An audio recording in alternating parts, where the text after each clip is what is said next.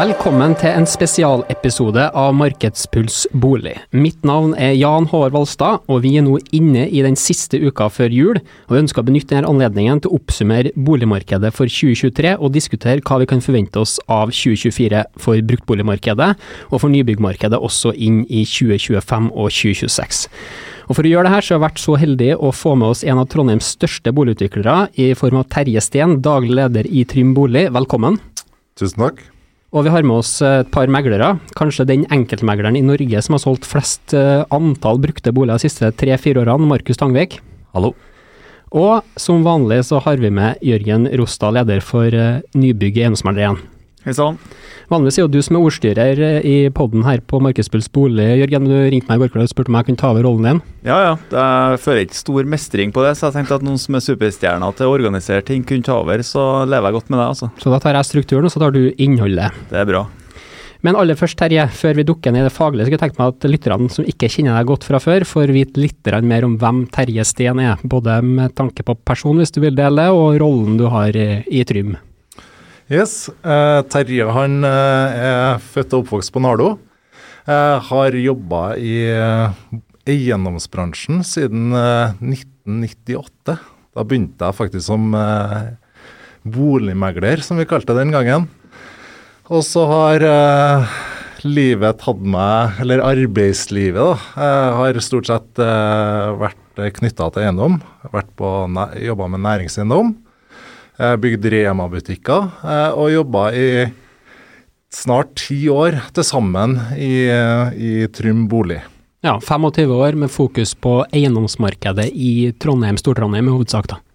Ja, eh, bygd riktignok Rema-butikker både fra Namsos i nord til Ålesund i sør, men det som er knytta til bolig og boligutvikling, det er knytta til Stor-Trondheim. Mm. Og nå er du i Trym, som er en stor aktør både på boligeiendom og på næringseiendom i, i Trondheimsområdet. Det stemmer. Og, og der er du også med på eiersida? Det er, jeg, vet du. Har en mindre eierandel. Ja. Karl Johan Koppereitan som eh, øverste leder på skuta. Det er han som er eier og styreformann, eh, og så har vi en Trond Tjuvstein som er konsernsjef. Så han som har den eh, utførende ledelsen eh, i all hovedsak. Mm. Og en solid og langsiktig aktør i Trondheimsmarkedet. Absolutt. Eh, Trym ble stifta i 2003, og vi har ingen eh, tanker om å gi oss i vår levetid. Nei. Og strategien der hovedsakelig, da, egentlig både på bolig og på næring, er å by utvikle, bygge for å videresalge. Det er korrekt. Vi har, eh, vi har egentlig bare ett bygg, som det kanskje sitter langt inn og selger, men eh, ikke noe som er skrevet i stein. og det, det er Tyholttårnet. Eh, største fallossymbolet vi, vi klarte opp, eh, å finne, finne i Trondheim, så det, det sitter vi på. Det står seg godt. Det står seg godt. Yes. Før vi går videre inn i å diskutere nybyggmarkedet, så tenker jeg vi tar en sveip om bruktboligmarkedet. 80 av eh, boligomsetninga i Trondheim er jo bruktbolig, og det er det segmentet som de aller fleste flytter fra, har innbytteboligen sin i når de skal inn i en nybygd bolig. Uh, opplever jo at uh, ny, uh, bruktboligmarkedet i 2023 har vært litt schizofrent. Vi hadde veldig bra tempo på vårparten, både med volum og prisutvikling. Og så har vi fått en kalddusj, men den var jo godt varsla og forventa nå i høst. Hva tenker du når du skal oppsummere året som har gått, Markus, hvis du ser det fra et meglerperspektiv, og hvordan du opplever kunder, både selgere og kjøpere, har respondert gjennom året? Nei, Det oppsummerte egentlig ganske bra der. at Vi opplevde jo at første halvår var jo egentlig veldig bra. Det var ganske bra tempo. Uh, Vi satt jo egentlig bare og venta på at uh, renta skulle øke og det skulle merkes mer i markedet. Men uh, første halvår var egentlig ganske bra uh, omsetningsmessig. Og vi opplevde at uh, selger kjøper møtte hverandre, men så så vi egentlig på når det nærma seg sommeren at eh, antall boliger økt. Det ble eh, mer usolgte boliger i markedet. og Det gjorde at eh, en vanlig kjøper i Trondheimsmarkedet hadde mer å velge mellom. og Det gjorde da at det ble større og større eh, avstand mellom eh, selgerne og kjøperne. Og Da var vi i en situasjon der at en, en boligselger i august eh, så at naboen sin i april fikk ganske gode priser. og Da forventa de egentlig å få de, de samme prisene. Og da, da opplevdes det ganske tungt for en boligselger da, å, å selge siste halvår 2023. Mm. Hvis vi bare ser på tallene, som du sier, det er solgt bra med bolig første halvår, salget stoppa på andre halvår. Tilbudet har vært godt hele veien, så nå er det all time high antall eh, brukte boliger som ligger for salg. Ja. Eh, og så er det en bolig som pleier å trekkes fra markedet i, i desemberen før jul. Vi vet jo annet at uh, omsetningstida på det som ble solgt nå på slutten av året var fortsatt bare ned på en 30-40 dager, mens det som ikke har blitt solgt, det har gjerne ligget ut nå i hvert fall to måneder. Kanskje det nærmer seg tre måneder. Selgerne der begynner å bli litt desperat. Virkemiddelbruken er enten å trekke av markedet og vente litt til ting går over, eller uh, pris ned. Ja, og vi ser jo at uh, de bodene som har blitt solgt, har jo ligget på rundt ja, opp mot 40 dager i omsetningshastighet, og det er ikke så veldig ille sammenligna med kanskje 2018-2019-perioden, noe vi kanskje opplever som et normalmarked. Men så er det jo en god del boliger som ikke har blitt solgt, som ikke var med i statistikken der. Og de har sikkert starta med en pris som var litt sånn starten av 2023-prising, og det gjorde at de har ikke fått solgt i dag. Og da gjør man noen triks med at man trekker boligene nå før jul og relanserer i januar. Og da regner jeg med at en god del av de selgerne nedpriser boligene sine. da. Mm. Og Det er veldig spennende å se på det, for at, som du sier, de, det er kun de objektene som er omsatt som er med i prisstatistikken. Og Hvis man ser på prisstatistikken til Eiendom Norge, så ligger prisene nå på det samme nivået som vi gjorde på starten av året. Men så er det en god del boliger som har vært ute som har testa som markedet har sagt nei, dette vil vi ikke ha. I hvert fall ikke den prisen som dere foreslår. Og de er jo ikke solgt. Så der kan det være noen mørketall. Ja, og, og ser vi liksom hittil i år, så har boligprisene i Trondheim gått ned med 0,5 og, Så det er jo ikke noe sånn store eh, avvik, men det er jo for at det er en god del boliger som ikke har blitt solgt. Og det tror jeg vi vil komme til å, å merke på nyåret. Da, at eh, Tilbudet av boliger kommer til å øke, og jeg tror en boligkjøper i, i 2024 på bruktboligsida kommer til å oppleve at det er mye mer boliger å velge mellom. da. Mm. Så, så, jeg tror at hvis du er en boligkjøper uh, i, i, Trondheim i 2024, så tror jeg at du, du har uh, god mulighet til å, å, få deg en, en fin bolig. Mm. Det er jo god forskning og empiri som understøtter at hvis renta går ned et prosentpoeng, så går boligprisene opp 10% Men nå ser vi jo at når renta går opp et par-tre prosentpoeng, så er boligprisene stabile. Det er et eller som ikke rimer helt der, og da er det kanskje den delen av eiendomsmassen som aldri omsettes, som tar en liten støyt der, selv om vi ikke ser det i, i tallene akkurat per nå. Mm. Det er jo som du sier at uh, bruktboligmarkedet korrigerer jo fra måned til måned, for der må kjøper og selger bli enige, gjøre et handshake og finne et prisnivå som begge aksepterer. Uh, mens nybygg er jo mye mer lange briller. Hvordan, hvordan følger dere som boligutvikler bruktboligmarkedet måte, fra måned til måned? Vi følger det veldig tett. Uh, det er klart at de aller fleste kjøperne våre de kommer nettopp fra en bruktbolig. Da riktignok med unntak av førstegangsetablererne. Så eh, prisnivåene som, som, danes i bruktmarkedet, eh, det er en veldig viktig premissgiver for hvor vi eh, kan operere egentlig på nyboligsida. Eh, og jeg tror nok at litt av det som har skjedd på i det totale eiendomsmarkedet i Trondheim i år, eh, hvor bruktboligsida på sett og vis har opprettholdt volumet sitt, eh, kommer som en konsekvens av at du har hatt aktører eller kjøpere som typisk har flytta fra nybolig over på, på bruktbolig i stedet. Så eh, summen av reduksjon i omsetning, da, den har kommet egentlig på sett og vis eh, Altså den har slått veldig hardt ut på nyboligsida, mens på bruktboligsida så er markedet langt på vei opprettholdt. Mm. Nei, Vi er på 5300, nesten 5400 solgte bruktboliger så langt i år, og det er jo på linje med fjoråret. Det er helt på linje med 2019 og det som var normalen før pandemien. Så er vi vel på drøyt 900 eh, nybyggsalg i Trondheim ut eh, novemberen.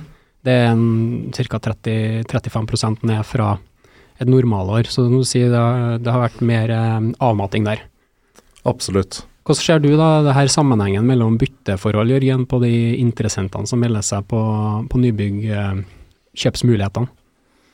Jeg tror jo at vi har de siste årene blitt litt sånn bortskjemt med at vi har fått altså Den toppen du har sett på nybygg, da har jo kommet eh, fordi at det har vært lett å flytte en bruktboliginteressent over i, i nybyggmarkedet òg, som har gjort at vi har fått en, en, en veldig kanskje ekstraordinær god omsetning de siste, eh, siste par årene. Og så ser vi nå at tendensen har snudd, sånn at eh, det er lettere for en uh, førstegangskjøper da, å kjøpe en bruktbolig eller legge fra seg tanken om en uh, nybyggleilighet. Fordi at Man kan kjøpe en toroms på Lademoen til 2,5 som ble bygd på, på 1950-tallet, som er litt sånn pussa opp underveis, i stedet for å gå på Lilleby eller andre sentrale områder og må betale 3-3,2 millioner for den samme, samme toromsen. Så, så, det er en stor driver, tror jeg, for at, for at uh, nedgangen i salget har blitt sånn som den er blitt. I kombinasjon med selvfølgelig uh, prosjekter som har blitt utsatt fordi det er vanskelig å regne hjem pga. økt byggekost og, og, og generell uforutsigbarhet i markedet. Mm. Før vi går videre og så mener noen ting om neste år, så er det interessant å høre mer uh, dine refleksjoner rundt det som dere da har gjort på nybyggsalget og, og for så vidt produksjonen, men kanskje først og fremst nå på salget i 2023. Hvilke type prosjekter har dere hatt for salg? Hvordan opplever du, som har jobba i markedet her i 25 år, at responsen har vært, på tross da, av både dyrtid, renteøkninger og massiv negativ kommunikasjon i media? Det er litt som eh, bruktbordmarkedet, faktisk. Eh, vi opplevde at første halvår fungerte relativt greit. Og så hadde vi den rentehevinga i slutten av juni. Var, det var som om noen satte et skudd for bøen på, på nyboligmarkedet. Det stoppa langt på vei fullstendig opp. Eh, og så har ikke det vært svarte natta i, i høst. Eh, men et vesentlig lavere volum eh, enn en hva vi har vært vant med de senere årene. Um, og så ser vi at uh, det er nok en, en uh, veldig fokus på arealeffektive, gode leiligheter. Uh, det selges av den totale tilgjengelige massen med boliger vi har, så ser vi at det er de billigste som selges. Så med en gang du begynner å komme opp litt i prisklasse, så er det mye mer selektivt.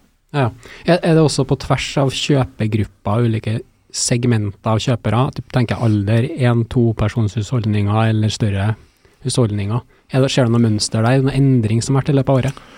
Eh, nei, egentlig ikke en sånn voldsomt stor en. Men, eh, men, det er klart at veldig mange av dem som sitter i bruktboligmarkedet, type eneboliger, halvparter, rekkehus, og skal over i i en nybolig eh, og skal selge sin egen bolig om to til tre år, når denne nye boligen er ferdig, eh, de er nøktern tilbakeholden, eh, og den sitter nok veldig mye lenger inn å ta den kjøpsbeslutninga enn hva tilfellet var for, for, noen få år siden. Mm. Og Ironisk nok så er det den gruppa som har best kjøpekapasitet og kjøpeevne nå i dagens marked med høye renter. For de gjerne både har eh, egenkapital i dagens bolig, og ofte også hvis de står i jobb, da er i en moden del av karrieren og god arbeidsinntekt. Det er korrekt, det. Uh, men samtidig så, så, har de tid til å vente også, eh, i motsetning til kanskje førstegangsetablereren, som hvor alternativet er å leie i stedet. Mm. Jørgen, hvis du tar perspektivet på mer hele Trondheimsmarkedet, da, rimer det med Terje si, eller andre type trender du har sett innenfor hvilke type enheter som er mest salgbare, eh, eller hvilke type kundesegment som er mest i stand til å ta beslutningen om kjøp av nybygg i 2023? Nei, jeg kjenner meg veldig igjen i det som han eh, Terje sier. Det er mm, Altså, vi opplever jo at vi, vi, vi, sliter jo litt i alle eh, segmentene, så det er jo litt tyngre enn, enn det har vært. Eh, og så, har vi jo, eh, som er viktig å få med her, da, skjedd et nå Eh, inntog, inntog av, av, noen investorer som ser et mulighetsrom litt lenger fram i tid, som, som, veier opp for noen tapte salg som vi kanskje mister dem som er redd for å ta beslutningen. Men det er jo to ulike kjøpegrupper her som, som, som er involvert og som har ulikt syn på, på hele casen. Men summa summarum så, så, stiller jeg meg bak det som han Terje sier. Altså. Men du hadde et oppslag i State uh, nyheter her forrige uke om at uh, Trondheimsmarkedet var større enn Oslo-markedet, og at uh, den avdelinga som du kjører hadde relativt sett god omsetning. alle alle rammebetingelser tatt i betraktning, så så gærent kan det ikke være. Nei, nei, absolutt ikke. Vi har jo vært positive i, i, hele år. og Det er jo dels for å holde den eh, mentale styrken opp på et, eh, på et godt nivå, men, men samtidig også uh, videreformidle den stabiliteten som ligger i Trondheimsmarkedet. og For vår del, da, hvis du tenker eiendomsmegler i Midt-Norge nybygg, så, så, har vi jo mange bein å stå på. Altså, Vi har jo prosjekter i ulike faser rundt om i Trondheim og Stor-Trondheim som gjør at eh, I en gjennomsnittsmåned så finner vi noen kjøpere, og det rører seg litt rundt om på, på hvert prosjekt eh, til oss. Altså sånn Omsetningsmessig for vår del så var første halvår eh, veldig veldig svakt, hvis vi ser det totalbildet. Og så solgte vi godt på, på Terje sine prosjekter fordi at de var ute i markedet og hadde en fin altså, hva skal jeg kalle det, fin, eh, var på fin, en fin periode da, i prosjektets fase, når at, uh, vi var i, i, startfasen av 2023.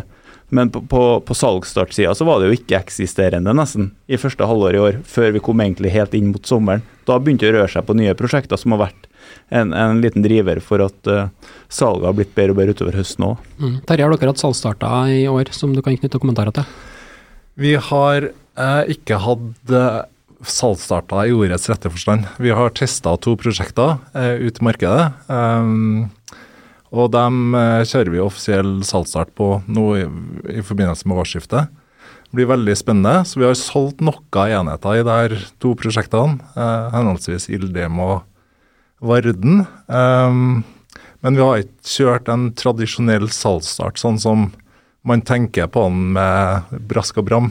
Det, det har vi ikke. Mm, og Da kommer det på nyåret fordi at du tenker at timingen er god, eller fordi det er nødvendig å få gjort det? Eh, vi har tro på at eh, det er en interesse for nye boliger, og også fremover. Og så kan du si at timingen Altså, vi har en stor portefølje, driver på med det her i, som jeg sa, evighetens perspektiv. Eh, så det å hele tida ha kontinuitet i det vi driver med, det tror vi er viktig og riktig. Jeg sa jo ingenting innledningsvis om at dere også har en egen entreprenør.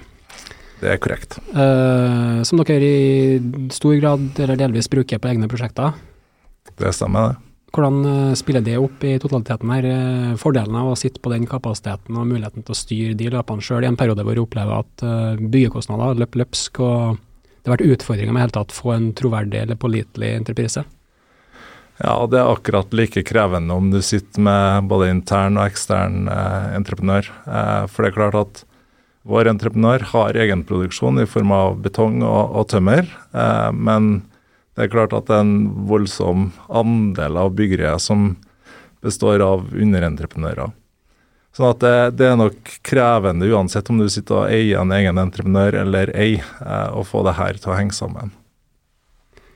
Jørgen, du var litt inn på investorsegmentet i sted når vi skal oppsummere 2023. Vi har jo klassifisert uh, investorene i fire ulike grupper, hvor vi på en måte har hobbyinvestorene, de enkeltpersonene i, i bunnen, som typisk kjøper én til, til fem enheter, gjerne eid på personlig hånd. Vi har de lokale eiendomsaktørene og mindre nasjonale aktørene som kjøper små porteføljeenheter. Vi har de nasjonale store aktørene som driver med det her som eh, virksomhet, og som gjerne har et eh, apparat for å, å forvalte og, og, drive utleie. Og så har vi de institusjonelle, store finansielle kjøperne. Uh, investorene utgjør jo veldig mye av salget i 2021 og 2022, og mye mindre grad i 2023. Men vi har sett at enkelte av de segmentene har kommet tilbake. Ja, det har, det har kommet tilbake en, en, god del. Også en god del nye investorer da, som, som ikke har vært uh, spesielt mye innenfor eiendom tidligere, men som ser et mulighetsrom i et uh, fremtidig godt, uh, godt, marked. Samtidig så ser vi også at den hobbyinvestorsida, kaller det de små som kjøper to, tre, fire, fem, seks enheter, er i stor grad bytta ut i, i, i forhold til den gruppa som var inne i markedet for et, for et par år siden. Og vi var vel inne på det i forrige podkast òg, at at det er noen investorer som, eh, som, må selge i dag, som selger til andre investorer som, eh, som får seg en, en, god deal og kan starte på nytt inn i et marked. Og så, og så, kan de investorene som var i markedet for et par år siden, enten omprioritere eller, eller finne på andre ting med, med pengene sine. Mm. Som boligutvikler som driver et evighetsperspektiv, hvordan forholder dere dere i Trym til å selge til investorer på prosjektene deres? Investorer har vært eh, og er en kjempeviktig katalysator for å få i gang prosjektene. Um, og det har jo med kalle ledetida fra du har, uh, har et prosjekt som du legger ut i markedet første gang, til det er ferdigstilt, så tar det gjerne to, to og et halvt, kanskje til og med opp til tre år. Så det å få et tilstrekkelig salg for å sette i gang tidlig, uh, det er kjempeviktig. Og derigjennom så er det viktig for oss å ha et forhold til de her investormarkedene.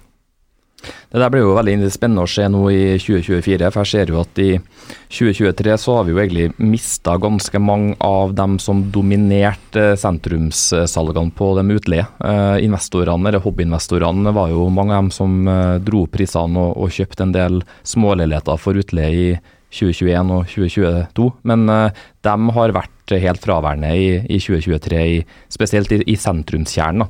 Så Det blir litt spennende å se om de nå flyttes over til, til dere på, på nytt. For uh, jeg ser at en del av mine kunder som, som har betalingsmuligheten, men de, de får ikke regna igjen en bruktbolig for utleie i, i dag, de uh, har blitt flytta over på, på nytt. da. Ja, vi ser jo tendensen til at de de har jo litt lengre briller, de her folka også. Eh, og når de ser at vi kan ta en posisjon i dag eh, som er ferdigstilt typisk eh, om kanskje to, to og et halvt år, eh, så regner jo de aller fleste som driver med det her, eh, at prisene er på et høyere nivå enn hva tilfellet er i dag. Eh, så det er et større problem å faktisk få omsetning på ting som er ferdigstilt nå, eller nært forestående kontra noe som ferdigstilles i type 2006. Mm. Og Det har jo også sammenheng med at all den tid at vi eh, Det er jo satt i gang vesentlig færre boliger eh, i år enn hva tilfellet eh, var i fjor.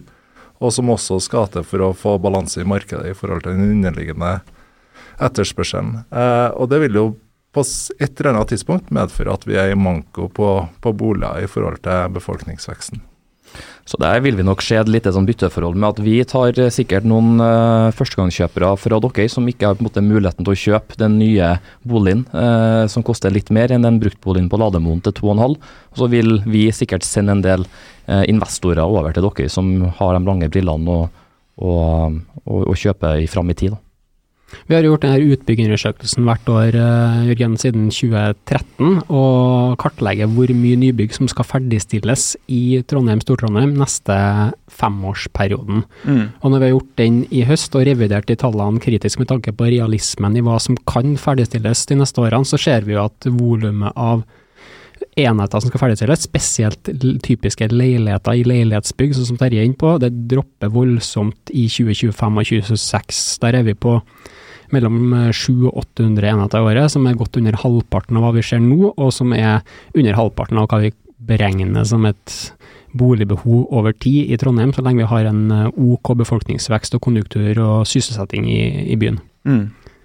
Og, og, da får vi det her uh, gapet da, mellom tilbud og etterspørsel, potensielt nå, to år frem i tid, som gjør at mange ser muligheten for en rekyl i boligprisene, og at den kan du få på en veldig gira måte med lite egenkapitalbinding per i dag, hvis du går inn og ser på nybyggkontrakt enten på enkeltenheter eller på hele byggetrinn eller prosjekter.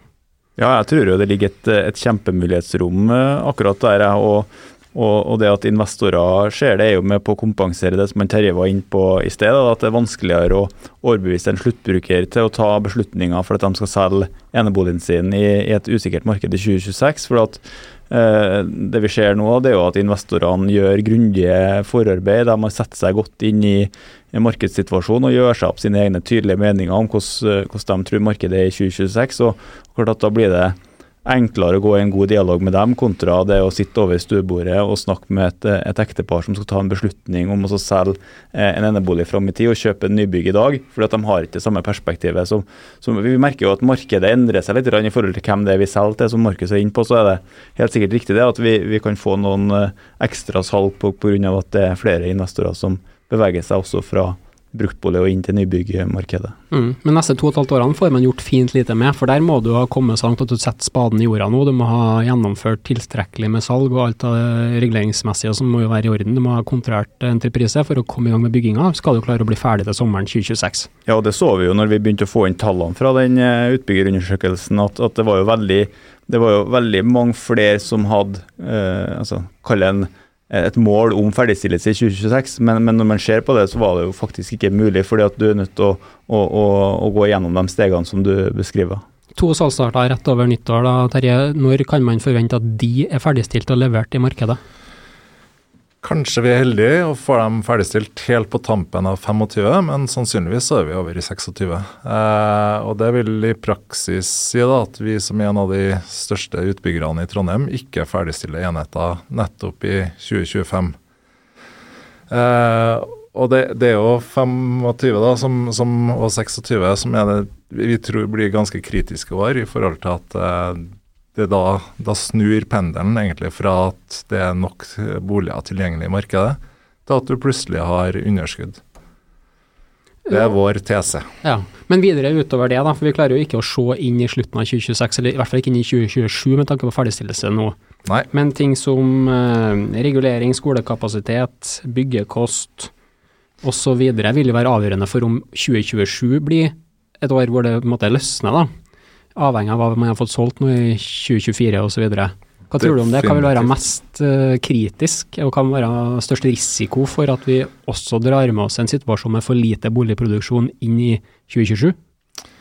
Eh, Det er nok eh, kombinasjonen byggekost, renter, eh, det at boligprisene, altså bruktboligprisene, må sannsynligvis eh, de må stige en del, sånn at differansen mellom eh, brukt og nytt eh, igjen reetableres, eh, skulle jeg til å si. Sånn at vi igjen får et marked som i større grad etterspør eh, nybolig. For det å få ned entreprisekostnadene isolert sett eh, Nå håper jeg at eh, en styrka norsk krone vil bidra til at en del av eh, innsatsfaktorene fysisk i byggene våre blir billigere.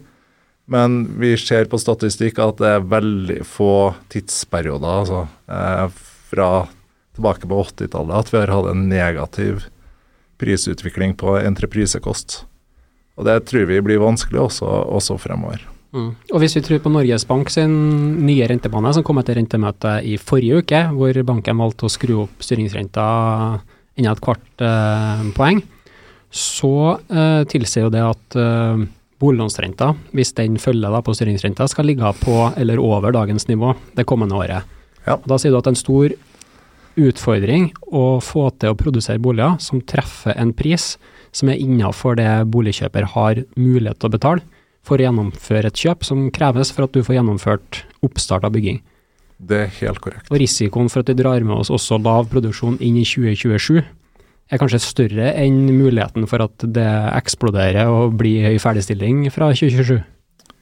Det er jeg helt overbevist om. Ja. Jeg tror det blir manko i til dels mange år fremover. Så det å ta eh, posisjoner som denne type investorer som vi nettopp snakka om, eh, det, er en, det er nok en fornuft som ligger bak der. Og så er det også ta beslutninger på deres hånd eh, i et marked som er litt trått. Eh, er, altså, jeg tror de gjør mye fornuftig i forhold til, forhold til å ta den type posisjoner. Ja. Uten sammenligning for øvrig så hadde jo en periode etter finanskrisen der det samme skjedde, av litt ulike årsaker, men det handla også om at eh, kredittilgangen der var stoppa, salget stoppa opp, produksjonen stoppa opp. Og vi hadde en periode fra 2009 til 2013, fire år der med 43% vekst i bruktboligprisene i Trondheim. 50% over landssnittet. Du opererte jo i Trondheimsmarkedet på tidspunktet der òg. Det stemmer. Hvordan øh, opplevde du det da? Nei, og Der har du jo et sånt godt bevis på at eh, altså, du tar unna For finanskrisen i Trondheim, eh, den var ikke veldig lang. Eh, altså, eh, Den var akkurat like lang i, i Trondheim som i andre plasser, skulle jeg til å si. Men, men boligmarkedet var ikke eh, veldig prega over veldig lang tid. Men det var likevel sånn at kall det igangsetting, produksjon. Man nappa ut kanskje 12-18 måneder eh, med igangsetting. Og man var egentlig ikke i balanse i markedet her før i 2015-2016. For det altså ta igjen det underproduksjon som kom som en konsekvens av finanskrisen, det er liksom eh, Igjen så er det noe med eh, tilgjengelige innsatsfaktorer. Det er ikke eh, bare å trykke på en knapp, og så har du økt produksjonen eh, og kan ta igjen et, et hull eh, historisk. Det kommer til å bli veldig spennende å følge med på. Jeg tenker at vi også må dvele litt mer om hva vi tror i det korte bildet. Hvis vi hopper tilbake til bruktboligmarkedet, Markus. eh, Det, det, det er på en måte en etablert trend at det legges ut mye boliger på vei inn i romjula. Ligge og kose seg på finn.no. Folk kan ligge med iPaden på sofaen enten man er i byen eller på hytta. Drømme litt, og så rykker folket ut på visning første uka i januar. Kommer vi til å se det samme nå i år? Ja, det er jeg ganske sikker på. Vi ser at uh, starten på året bruker å være veldig bra. og Det tror jeg er en sammenheng med, som du sier, at man uh, i romjula er man uh, sammen med familien, og det er mye avgjørelser som tas. Kanskje skal sønn eller datter inn på boligmarkedet, eller så blir man bedre venner og skal flytte til noe større bolig. Så blir man dårligere venner og må skille lag, så det gjør at det er mye avgjørelser som tas i, i sånne romjul og påske, som, som, gjør at vi ser at det blir en økning på etterspørselen i, eh, i januar. Og Det blir liksom spennende å se nå i, i eh, år òg, eller i 2024, på hvordan eh, etterspørselen blir i forhold til tilbudet. For det vil nok komme et stort tilbud av boliger. Så det vil nok oppleves som at markedet fungerer bra i januar, men det vil være en god del boliger som ikke blir solgt. Så der tror jeg det vil eh, være stor forskjell på dem som er flinke til å prise boligen riktig, eh, enn dem som skal ha fjorårets pris. Mm. Så det er utfordrende marked fortsatt for selgeren, og dem som ikke får solgt i løpet av januar, da, hva skjer med dem utover vinteren? Eh, stille spørsmål til det. Dem som har ut boligen sin nå, og som da kanskje har eh, besøk på visning, men ikke får solgt i januar kanskje prisen satt urealistisk høyt, og mm, interessentene finner en annen bolig. Ja. Hva skjer med de boligene utover vinteren? Nei, Dem eh, tror jeg nok må, må nedjustere prisene, for vi kommer nok til å se at det kommer til å bli mer og mer boliger ut i markedet nå i løpet av 2024. Så jeg tror at tilbudet kommer til å, å være større enn etterspørselen i, i, større perioder neste år. og Det gjør at du bør, du bør være flinkere til å, å, å prise boligen riktig. og jeg tror at vi kommer til å se neste år at de som lykkes, det er de som priser boligene riktig og har de riktige boligene. Så det vil si at uh, du tror at det blir en brattere prisnedgang enn det vi har sett uh, på høsten her da, på nyåret? Fordi at folk blir tvingt, hvis de faktisk skal selge boligen sin, til å sette ned prisene? Mm. Så i det korte bildet så forventer bruktmarkedet egentlig at, uh, at man får en korrigering ned. da. Mm. Jeg tror, vil oppleves, jeg tror vil at det oppleves bra starten på året. Så tror jeg det kommer til å komme en bakrus uh, raskere enn vi tror. da. Jeg tror at vi kommer til å oppleve at kanskje i løpet av Q1, sånn uh, mars-april, så tror jeg vi kommer til å oppleve at, uh, at det ligger ut mer boliger ute i markedet. Og nå må vi være flinkere til å prise boligene riktig for å få, få solgt dem. Men på nybygg så repriser man jo ja, gjerne opp, men sjelden ned. Ja, det er korrekt, det. Da stopper hele salget opp, og man eh, tar seg bedre tida, enten man er i en forsalgsperiode eller man er underveis i bygging.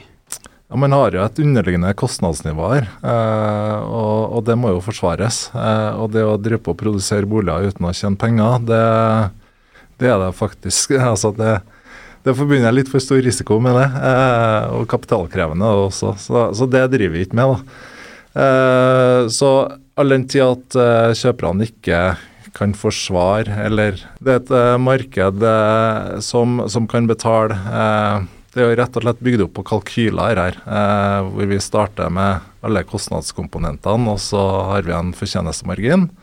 Og det er på en måte danner gulvet for, for den prisen som vi kan tilby der boligene til.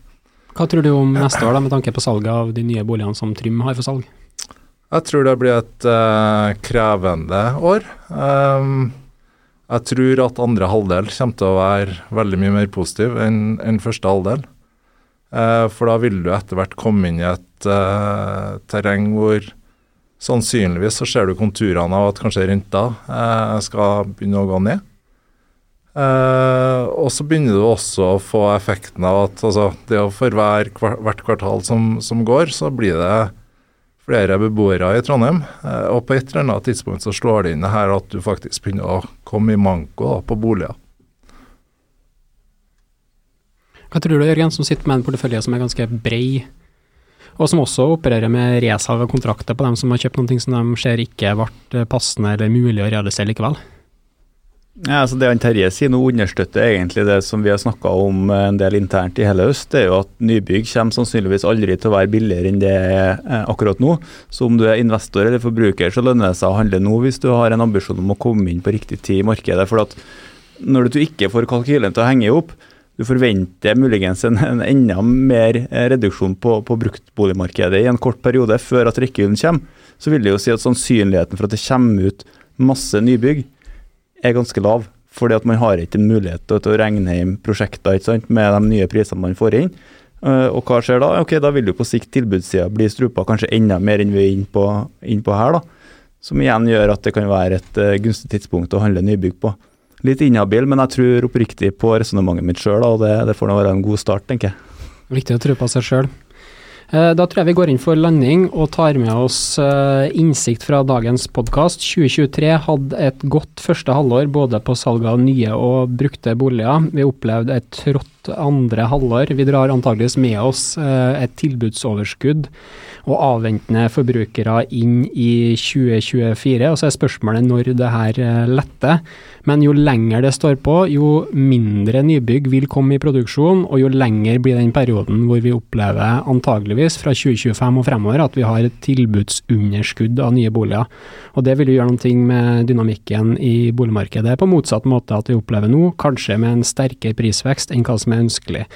I hvert fall for dem som ikke sitter godt posisjonert på det tidspunktet. Så med det så takker vi for oss, takk for at du hørte på.